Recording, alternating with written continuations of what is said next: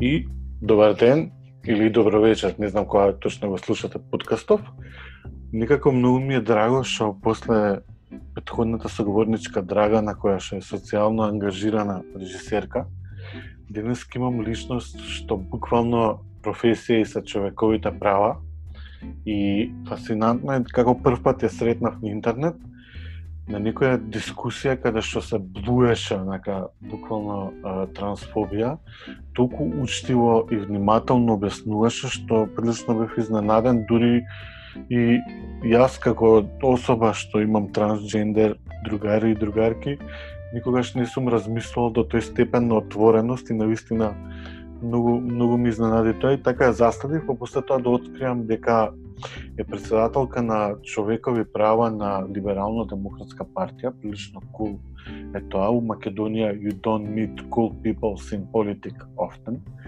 И прекрасно беше се тоа, се дека пред некој ден објави дека е, е избрана за председавач на Советодавниот комитет за млади при Советот за Европа. И тоа беше некај тен хайлайт, викам, леле, добре ова, као паметни луѓе се внесуваат кај што треба.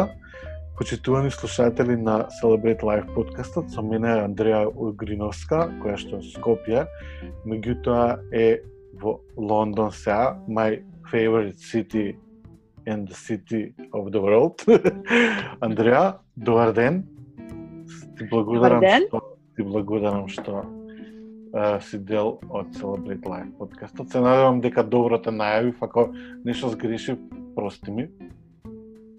Не сгреши, супер ме најави Горан и фала ти многу што ме покани и ти кажав имам огромна љубов за подкасти, така стварно ми е чест да сум да го започнам денот со подкаст денес. Е, супер. Значи, твојот бекграунд е политички прилично кул, младите луѓе у Македонија и не се инволвираат политички, сите бегаат од политиката, што ја мислам дека е многу погрешен проблем. Ако идентификатели на едно општество се младите луѓе и така како треба, мислам да се инволвираат во политики. Политики е сега што нашето општество е поставено така да создава следбеници, а не прогресивни луѓе, е друга тема која што нема да ја зборувам се моментот. А, кажи ми, човековиве права некако цел живот се присутни на твојата тема или пак превише емпатија те доведе за да почнеш да се занимаваш со со ова? Добро прашање um, човековите права. Не би рекла дека во никој случај не би се декларирала како експерт по човекови права, мислам не, не да, да. струка. Mm -hmm. Да, а, сум психолог, а, што значи дека и, и, и, дури од денешно време кога работам ја осеќам таа дупка некоја во експертиза која што би сакала да имам. А, меѓутоа во право си а, кога велиш дека се работи за а, на начин на кој што го имам градено, имам градена својата кариера, стигнав до степен кај што верувам дека имам развиено многу висока емпатија за различни um, социјални аспекти, имам многу страст uh, за наоѓање начини на соработка за како да се решат истите. А, и значи оваа платформа во Либерално-демократската партија е доста револуционерна по природа, mm -hmm. според мене. Да, да. А, заради тоа што, како што кажа ти, значи, не, не, не се случува баш често во Македонија политичка партија толку активно да работи на оваа тема, а меѓутоа и на страна на тоа се работи за платформа која што мојата идеја е да представува платформа за соработка помеѓу невладиниот сектор и политичката партија ЛДП. Апсолутно. Невладиниот сектор да. и како треба да е продолжена рака на политичките партии и на све останато. Меѓутоа, на вистина тешко оди, значи се гледа колку а, а, довербата помеѓу невладиниот сектор и политичките партии е целосно а, разрушена, значи скоро и да не постои, а, каде што невладините организации а, се плашат дека ќе бидат искористени од партиите, партиите не, не, не знаат секогаш како да ги вклучат невладините во својата, во својата работа. И ова е еден начин на кој што сакам ја да покажам дека заедно можеме да направиме повеќе, ка нема, нема, нема потреба веќе да трошиме толку време и напор да се критикуваме едни со други, кога mm. на крајот на денот повеќето од нас го сакаме истото. Uh, и тоа и тоа мислам дека е таа фрустрација која што луѓето имаат околу политика, оној момент на трошење на енергија, на uh, броење колку пати сгрешил противникот, на Мм. се трошење енергија на а, дизајнирање иницијативи што ќе го што ќе не однесат напред. И, и, и тоа ме тоа ме фрустрирало секогаш во Македонија. Така Да, да, надам дека ова е еден начин на мој придонес кон Мм. решавање на тоа.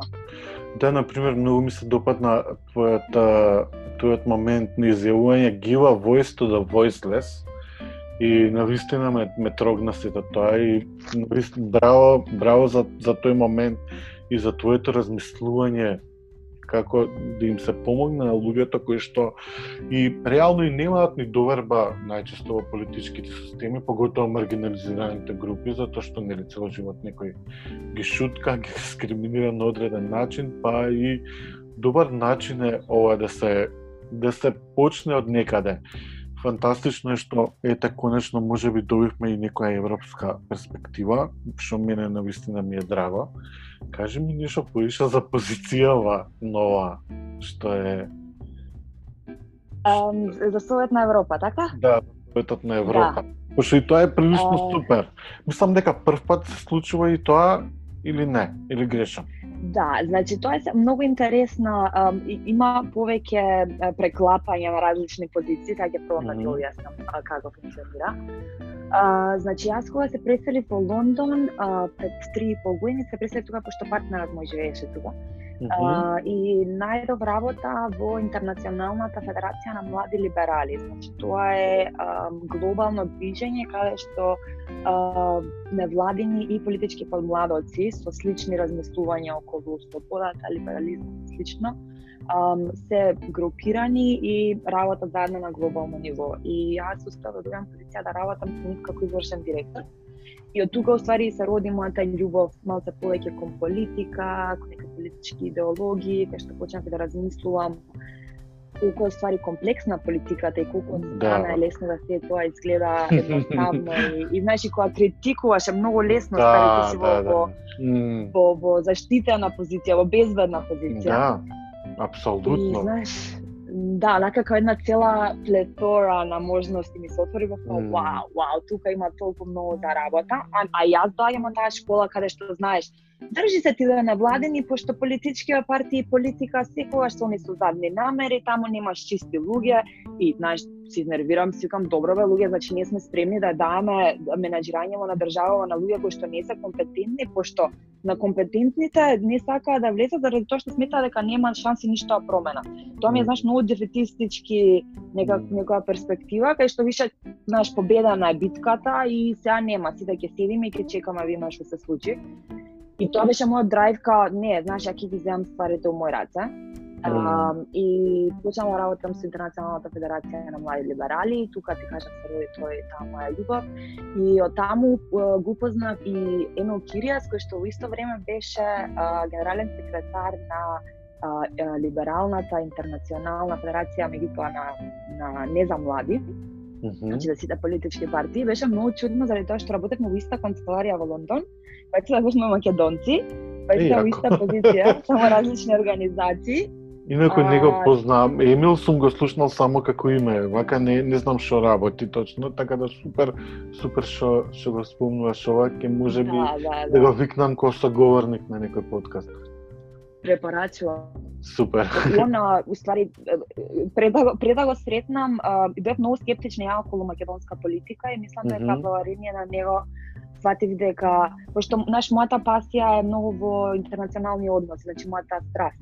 Мгм. А, и никогаш не ме влечела многу национална политика, меѓутоа овие две играат танго обично, значи не можеш да само да да работиш интернационални односи без да Мгм. а, да си запознаат што се случува национално.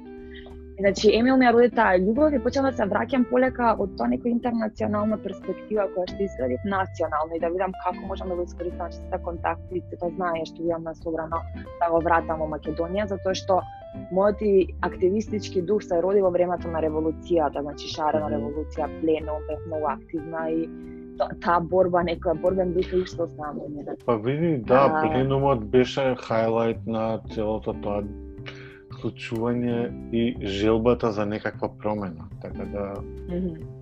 И, и, и направи, знаеш, беше, е, многу као бум се случи од нигде никаде многу јако влезе и дека многу луѓе а, створи надеж дека Да. знаеш дека тука сме и дека некој од нас се грижат и ќе дадат се од себе да Да, да. Живеејќи во тотална агонија каде што бевме, тоа и како беше потребно. Да. Знам дека мене многу- ме измотивира скроз. Да, ама и многу квалитетни луѓе пред се излегува тој пленум и јас се надевам дека ќе ги гледаме почесто во јавноста. Јас, искрено. Um, да, и значи сега да приказната од таму um, бидејќи мој мој интерес беше и европски платформи за соработка, значи Европскиот младински форум и Совет на Европа. Uh, и почнав да се да ги замолив тие што ми беа во управен одбор во Интернационалната федерација за, за млади либерали, дали може да ме назначат како external representative на некој начин, значи да ги представувам во сите овие платформи, на нив им се допаѓаше идејата, така почнав да градам од профил од Совет на Европа, да се поактивно.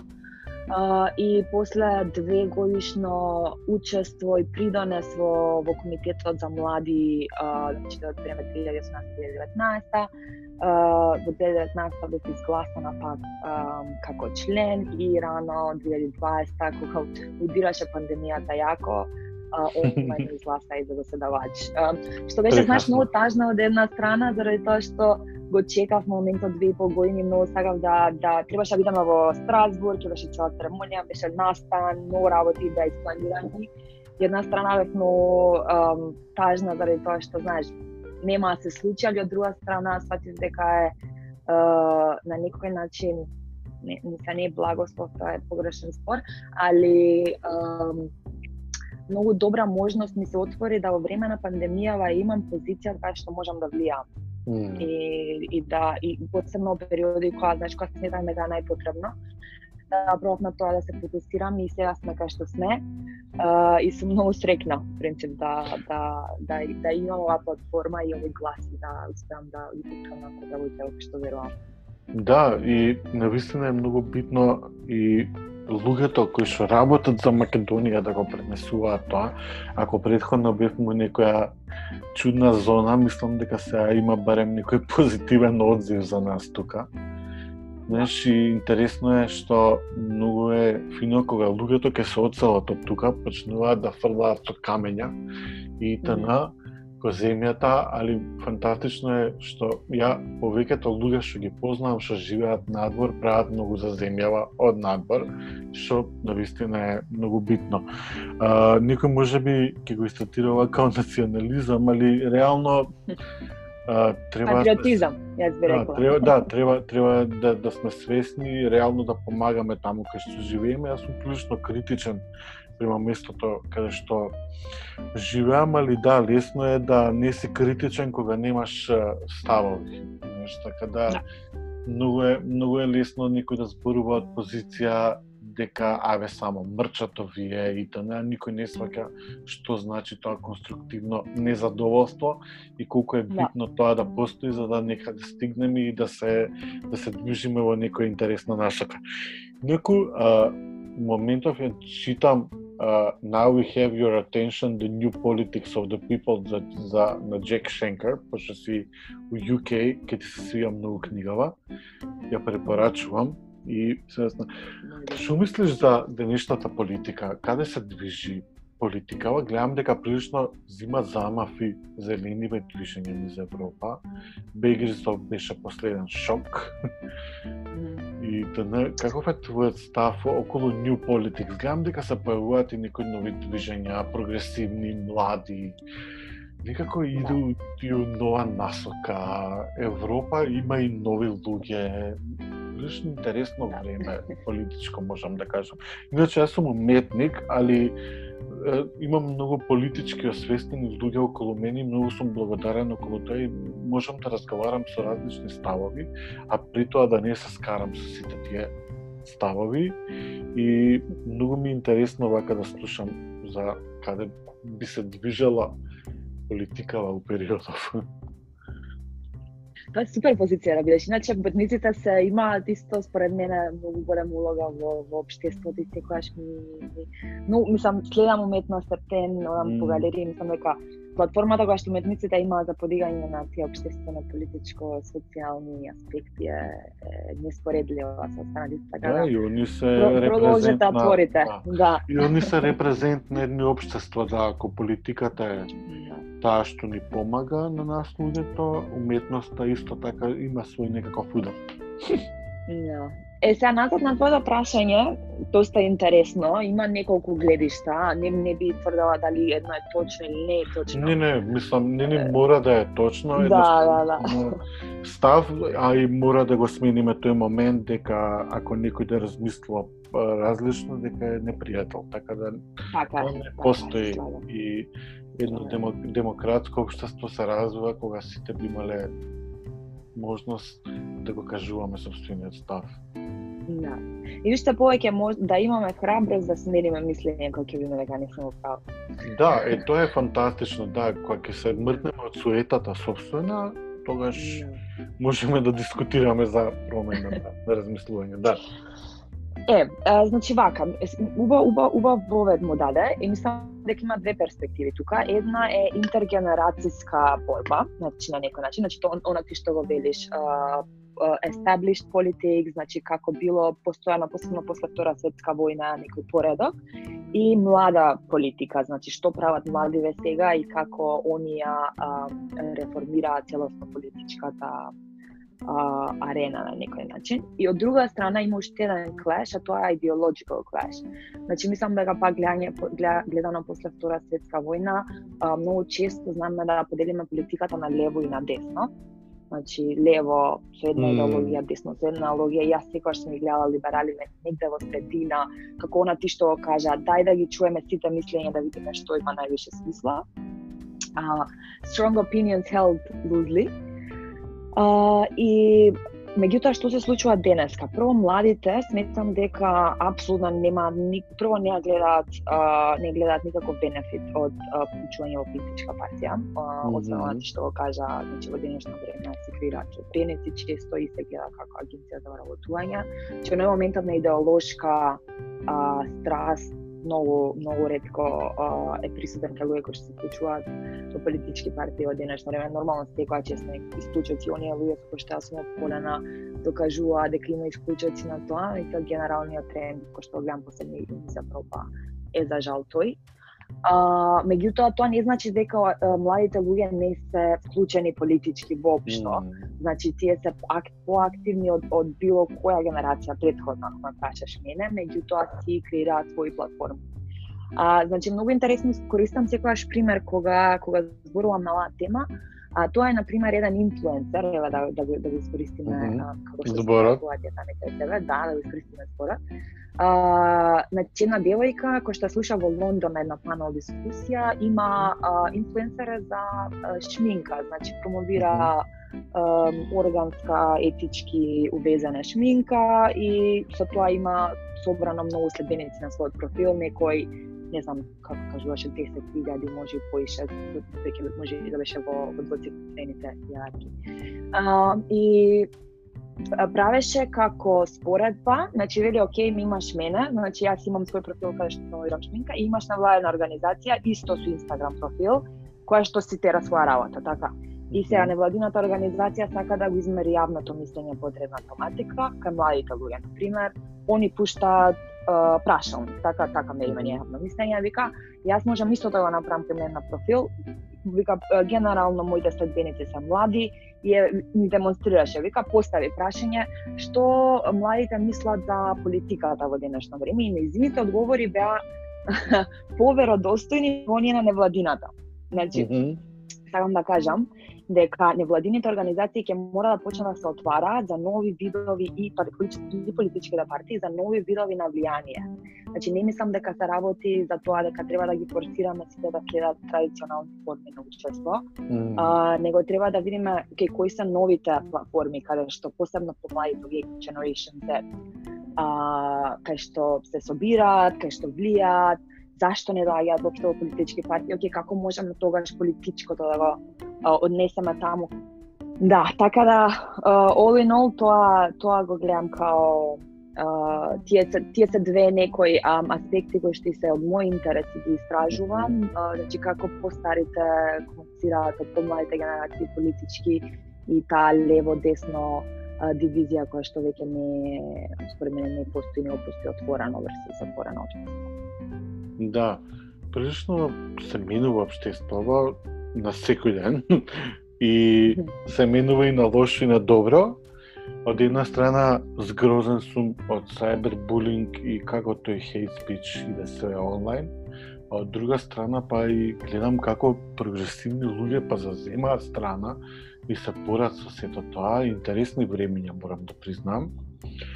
Тоа нема никогаш да го снема, значи омразата секогаш ќе постои, ама наше, како сме тука, да можеме да барем малце да ги убедиме луѓето дека постои нешто поразлично од нив, па дури и да се соочат со сета тоа. А. Да. Вика, туета мисла вика, regardless of whoever they are, can feel full their potential. И на вистина мислам така. Да. Така да и далеку од тоа дека младината е маргинализирана или дека е апатична или дека не е интересирана не.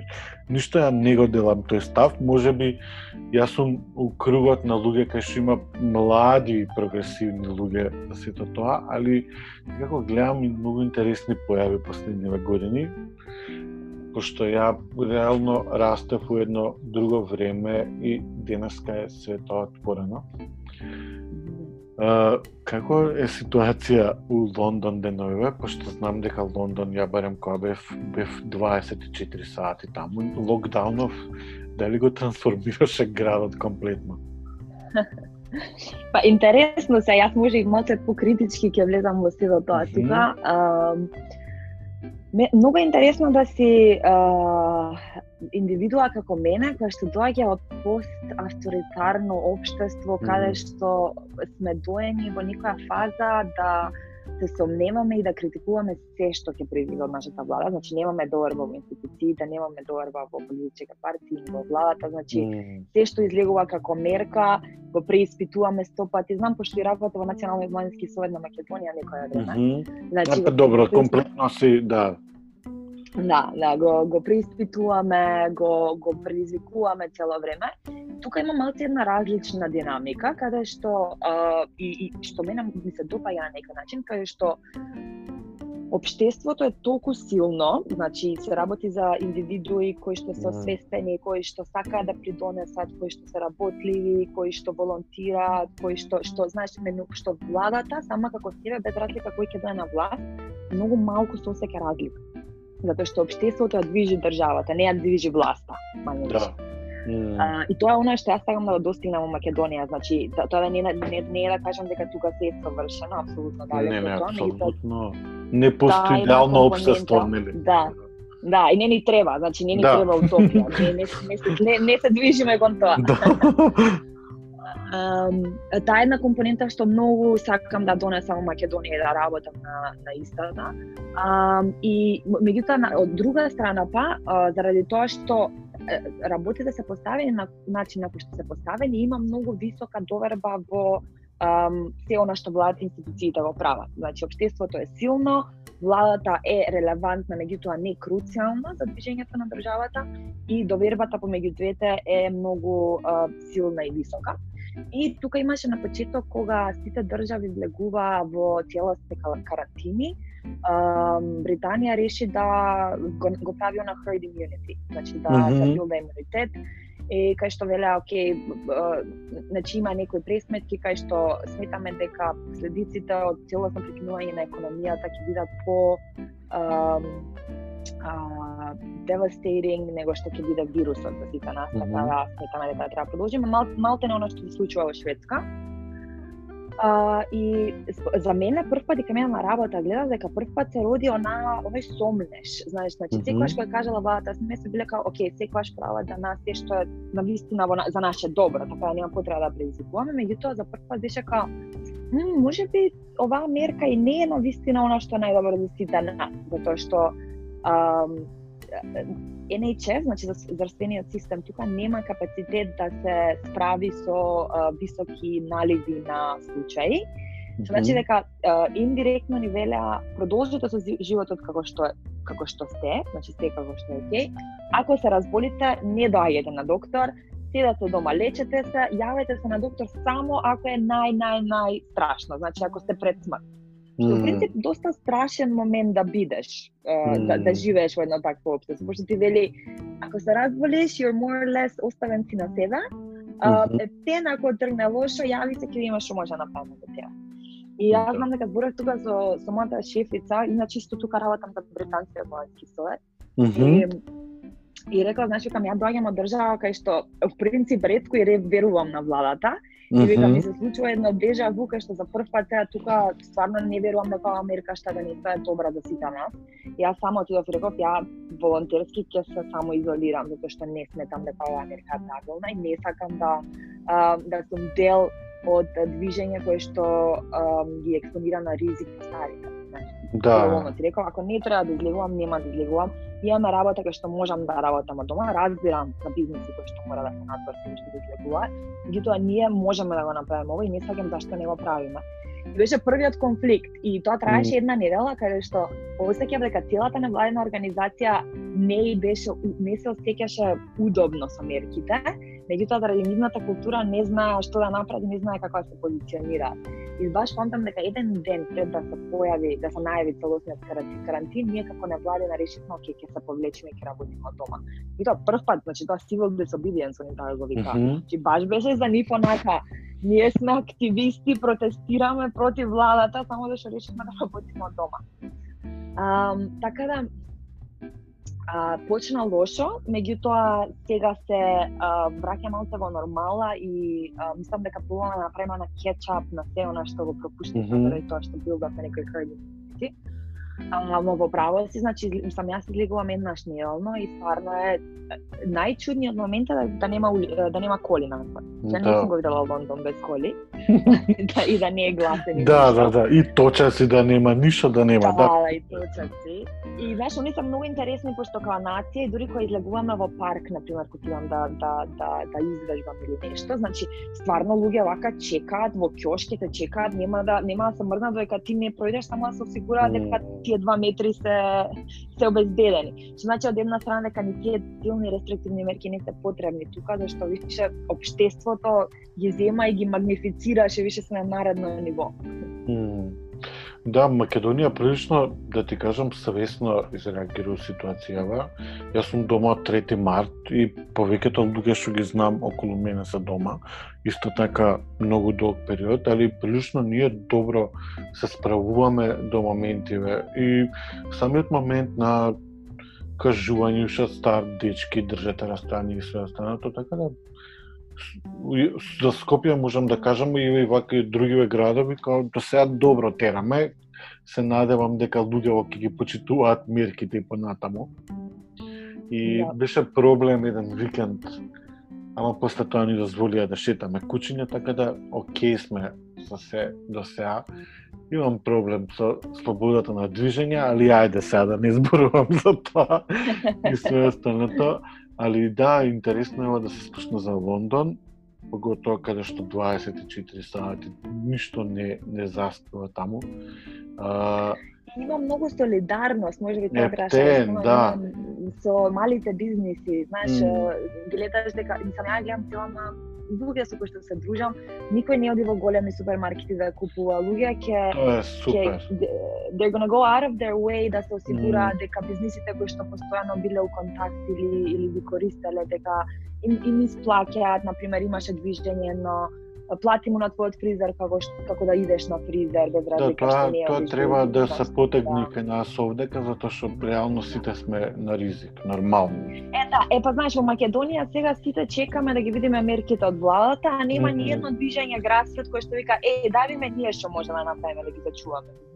Да, да може склопиме дека чекаме. Да, да. на пример, се родија некои мали иницијативи, на пример LGBT движењево направи супорт група и знаеш, моментиви на самоизолација и го прават тоа ептене добро.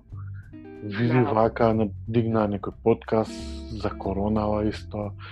еве ја почнав подкаст да правам цртам на темава, така да, да, да, да. веројатно знаеш Има, ке- има, се слагам. Има, не, има малку е, да, али тоа се оние baby steps.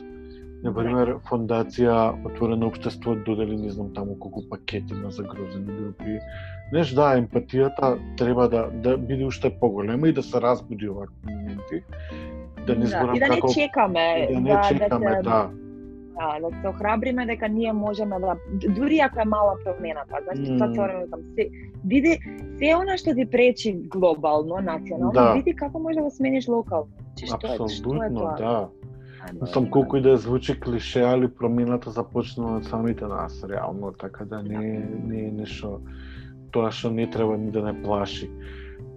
Андреа, многу многу убави мисли, ти благодарам што ги пренесе. Многу ми е драго што ете така имаме една млада прогресивна политичарка во етерот на Celebrate Life подкастот. Дали нешто за требаше да те прашам за Боравив. Мислам дека предавме прилично многу теми. И да. очекувам, очекувам следно да видам фотка од Сити Хол. Затоа што иначе сум бил у Сити Хол и прекрасна е зградата. Значи Да, неверојатно. да, но... Предобра е зградата. А и супер градоначалник имаме сега, така добре. Да, и ја бев на претходниот градоначалник кој беше таму. А Е, да, не- беше добар, е? Да, па као градоначалник, да, ама Садик некако многу ми се допаѓа, ептен ми е cool и какви многу кампањи е. работат и колку се open mind и све останато. Лондон is open, не за џабе е кампањата толку многу Да, видлива. многу, многу. Он баш за време и на Брекзит Мм. го многу превзема као некоја своја иницијатива кој што рече ќе се ќе дам ќе дам се од себе да се диференцирам од ова што го прави Британија као Британија и да го извадиме Лондон од тоа и стварно Мм. А, Да, да, тоа беше бе. многу интересно, да. Али, на пример, Лондон за, за мене беше соочување со целиот мој живот, знаеш, со сите инфлуенси, со таа индивидуалност што сум се борел цел живот за себе да ја постигнам. Лондон ми беше само facing индивидуалите, така да веројатно затоа и градоначалникот е таков, затоа што луѓето се научени таму да се индивидуалци и да и да не се плашат, пошто тука ако имаш различен став, веднаш си критикуван. Така да тоа вај да го прави Лондон, да. Лондон, Лондон open, веројатно тоа така го прави. А, да, заборив. мислам дека Лондон е Лондон е можеби пример за позитивната страна на индивидуалност. Апсолутно Значи, и тоа е мултикултурата, да не заборавиме Да. и мултикултурализмот е нешто што го движи исто Лондон, затоа што на улица се сретнуваш со 50 различни култури у секунда и тоа е добро. И многу интересно како секој си донел дел од себе и тоа го прави Лондон магичен. Да Да. не збориме за музиката и за облеката и за све останато, затоа што тоа уште дена можеме да го збориме. Ај малце да те, заборив да те прашам за нови форма на дискриминации што се појавуваат помеѓу маргинализирани групи. Например, радикални феминистки втора година или трета го напаѓаат Pride викендот, не, а, парадата Prideот го напаѓаат у Лондон и имаат проблем со трансгендери. И што мислиш за овие форми каде што дискриминирани групи напаѓаат дискриминирани групи? Знам дека не е правилно, него кој е твојот став зошто тоа се случува? Као од позиција на супериорност или на не знам што? А, а, па вака, може би почнала да зборам на таа тема, со тоа што ја кажам дека според мене сите оние кои што работат на социјална инклузија, на еднаквост меѓу маргинализирани групи и слично, мора да да тргнуваат од ам, а, перспектива на емпатија. Значи, според мене нема друг начин да се работи на оваа тема и секаков друг начин на работење на оваа тема може да резултира во она сипнење на отпорот на некој начин, кој што го викам, значи внатрешни а, внатрешни дискриминации меѓу движењата. Зашто се случува? А, пази, не, според мене не е неочекувано и не е чудно и а, исто и треба против истото да се бориме на ист начин како што се бориме генерално за социјална mm инклузија. Ама кога кога работиш на оваа тема, а, обично луѓе кои што се наистина страст со страст излегуваат математиката, mm -hmm. значи толку веруваат, толку се посетуваат, за нив ова не е работа, за нив е на некој начин начин на живот. Значи ти mm. креираш свет кој што веруваш дека може да постои, може да биде подобро за сите. Е сега, толку си убеден во тоа верување што сигурно си го и ти си и ти си прошол мислата, меѓутоа ти се будиш секој ден и ја повторуваш истата реченица over and over again, значи она во кое што веруваш, тоа збориме кога си адвокат, значи кога пропагираш нешто, го повторуваш цело цело време и до еден до еден степен се досадуваш сам на себе, си викаш добро како не ме разбираат веќе луѓе, знаеш, што цело време се повторуваш, се повторуваш И тоа измешано со емоции, измешано со погрешно разбрани, понекогаш пошто ако гледам се ова која која избувнуваат вакви моменти внатре во движењето, најчесто се заради недоразбирање. Значи не се работи заради тоа што две групи сакаат различни нешта, буквално е недоразбирање. И буквално се работи понекогаш за онаа жет да сакаш да издебатираш со некој кој што те разбира, ако што не нужно се согласува со тебе. Mm -hmm. А Меѓутоа, кога, кога збориме за феминизам, кога збориме за um, LGBTQI инклузија и слично, многу често во македонското општество ќе се најдеш со луѓе кои што не те ни разбираат што збориш. Значи не едноставно тие аспекти не им се јасни ни, што е уште една причина поради мене која поради која што внатре во движењето има раздор. Е сега, а, до, до негде тоа може да биде здраво. Значи, како што споревме си ти, она предизвикување на ставови, а, давање на друга перспектива, колку и да, да личи грешно и слично, обично се насочени кон зајакнување на движењата. Што така, што јас секогаш ги она слобода на движење, дури колку и да звучи мислењето не а, не конструктивно или не практично, само ќе кажи го, да, таа перспектива, заради тоа што тоа на некој начин тоа е мислењето на сите оние кои што не се согласуваат со нас. Тие се тие некои аспекти кои што ќе значи тие не засилу, го засилуваш нашето движење со тоа што ни го даваш тој фидбек, значи тоа е супер. Е тоа станува токсично и проблематично кога се носи на другата фаза, тоа е кога се мисли дека еве сега овие две движења се во clash со one another, а во принцип најчесто не се. така да се, се уште uh, the, the empathetic side of me likes to believe дека и овие внатрешни раздори се а, а, се последица на на страст и на желба за подобрување, а не се последица на а, сакање да се раздори или да се а, да се прекина соработката помеѓу овие движења воопшто. Андреа, ти си супер, браво.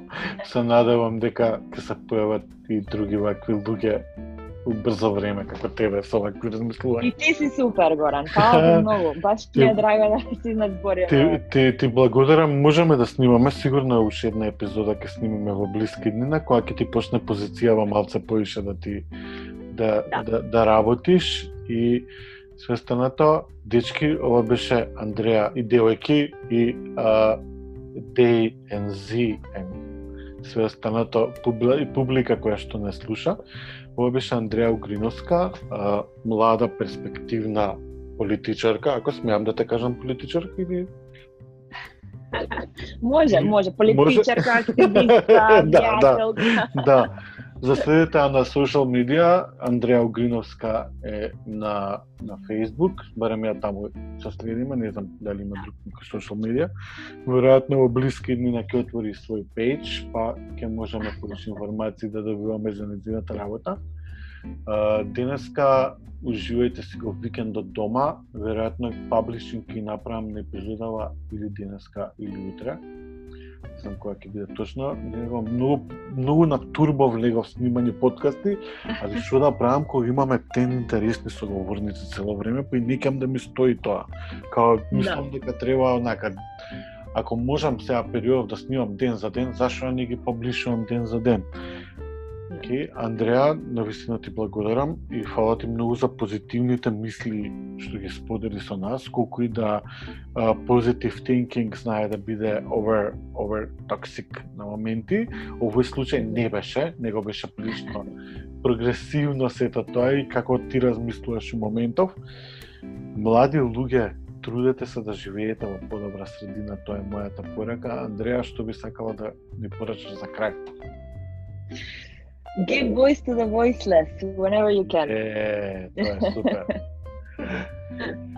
Останете добри. Фала ти многу. Фала ти и тебе, а вие што не слушавте на Celebrate Life подкастот, ова беше седмата епизода. Уште сме во себе изолација и сакајте се, немојте да бидете строги према себе. Гушкајте си ги домашните, да ова ќе повторувам секој епизода, пошто си ветив на тоа. Посебно, пробајте да го разберете тоа што може би ве нервира, ако се судрите со нешто такво и уживајте во слободното време. До слушање. Поздрав, чао.